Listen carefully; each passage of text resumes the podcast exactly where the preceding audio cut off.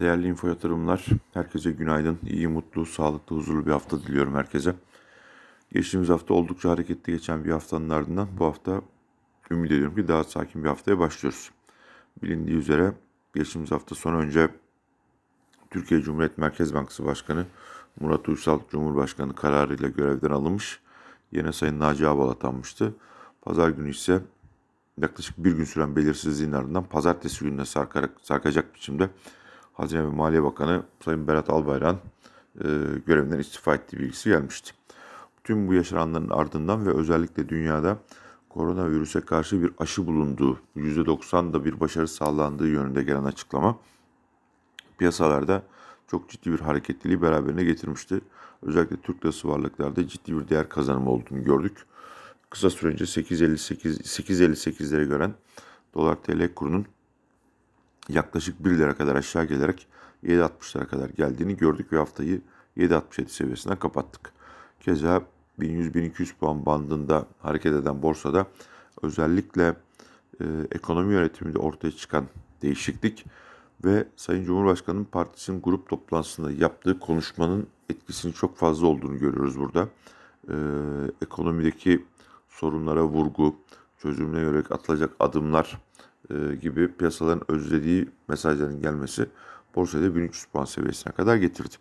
Piyasa açıkçası özellikle Sayın Cumhurbaşkanı'nın bu açıklamasını ekonomide artık bir sorunun var olduğunu kabul edilmesi, kadrolarda yapılan değişiklik, sonrasında verilen mesajlarla beraber tekrar yerli ve yabancı yatırımcının güvenini sağlayacak özlerin açıklamaları olarak değerlendirdim.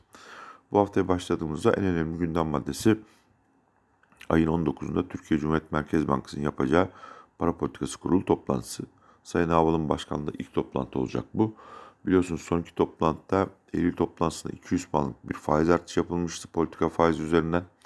Aynı beklenti Ekim ayında devam ederken pas geçilmişti ve e, zaten 8.58'e 8.58'e giden kurunda ilk adım böyle atılmıştı. Şimdi bu toplantıda özellikle Sayın Cumhurbaşkanı açıklamalarıyla beraber bir faiz artışına kesin gözüyle bakılıyor. Ancak bu faiz artışının ne kadar olacağı konusunda hala piyasanın kafası çok net değil. Genel olarak 300 ila 500 bas puanlık bir faiz artışının olacağı yönünde e, farklı görüşler, e, farklı beklentiler var. E, bir sadeleşme kendi adıma beklemiyorum. Yani koridor uygulamasının geçtiği kitle penceresinin devam edeceğini düşünüyorum. Artışın politika faiz üzerinden gerçekleşeceğini düşünüyorum. Sayın Cumhurbaşkanı'nın önemli bir söylemi var. Kendisi enflasyon kadar faiz vermek zorunda olmak bizi zora sokuyor gibi bir açıklaması var. Ama kişisel görüşüm piyasanın bazı oyuncuların beklediği gibi böyle 500'ün de üzerine 600 puan, 700 puanlık bir faiz artışının olma ihtimali neredeyse sıfır olduğu yönünde. Ee, şu andaki son ortalama fonlama maliyeti yaklaşık 14.50'lere geldi. Bu demektir ki 425 puanlık bir faiz artışı bizi zaten şu anki ortalama fonlama maliyetine getirir. Kur tarafında tabii önemli bir geri çekilme söz konusu oldu. Özellikle 7.70 önemli bir yerdi. E, aşağı yönlü baskının Türk lirasındaki değerlenme isteğinin devam edebileceğine yönelik bir piyasa beklentisi var. Burada 7.51 seviyesi önemli. Burası neresi? Eylül ayında yapılan para politikası kurulu toplantısında e, test edilen yer. Çok fazla süre orada kalmamış. Hemen tekrar geri dönmüştü ama teknik analiz grafiklerine bakıldığında orada bir 7.51 gözüküyor. İyimserliğin devam etmesi durumunda kısa vade ve orta vade belki 7.20'lere kadar gelmesi mümkün. Ama açık söyleyeyim 7 liraların altını beklemenin e, Türkiye'nin şu andaki makroekonomik verileri açısından da ortaya koyduğu e, politika açısından da çok istenen, arzu edilen bir seviye olacağını düşünenlerden değil. Borsaya bakıldığında bugün de bir pozitif açılış beklentimiz var kurum olarak. 1300 ee, puan üstüne doğru hareket devam edebilir. Bankaların önderliğinde çok ciddi bir rally yaşandı bankalarda. Endeks geneline bakıldığında hem TL bazında hem dolar bazında çok ciddi bir getiri elde edildi. Şimdi acaba burada bir miktar bu getirilerin bir kısmını realize etme zamanı geldiğim soru işareti var ki ben de bu görüşe katılanlardanım. Önemli bir harekette uluslararası alanda özellikle bu aşı haberinin ardından e, altın fiyatlarında yaşandı. Aşının bulunmasıyla beraber e, ciddi bir değer kaybı söz konusu altın onsunda yaklaşık 1850 dolarlara kadar gelmişti. Biliyorsunuz 1850-1950 bandındaki hareketin bir süre daha devam edeceğini düşünenlerdenim. 1850'ye kadar gelmesine rağmen özellikle dolar TL'de yaşanan çok hızlı geri çekilme iç piyasada e, gram altın fiyatlarının çok ciddi geri çekilmesine yani hem onsun hem doların düşmesi altın yatırımcısını oldukça mutsuz etti.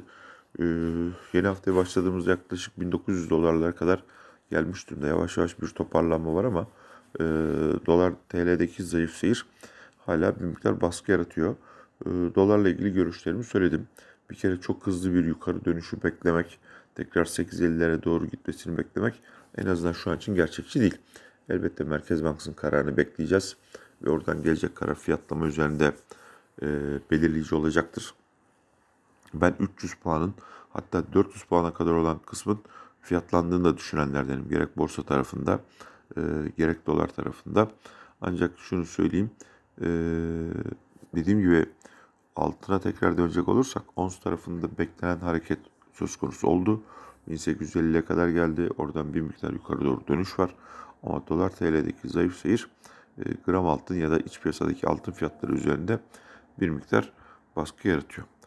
E, gerçekten koronavirüs vakalarına bakıldığında çemberin çok daraldığı, vaka sayılarında maalesef ölüm sayılarında çok hasta sayılarında çok ciddi artışlar olduğu gözleniyor.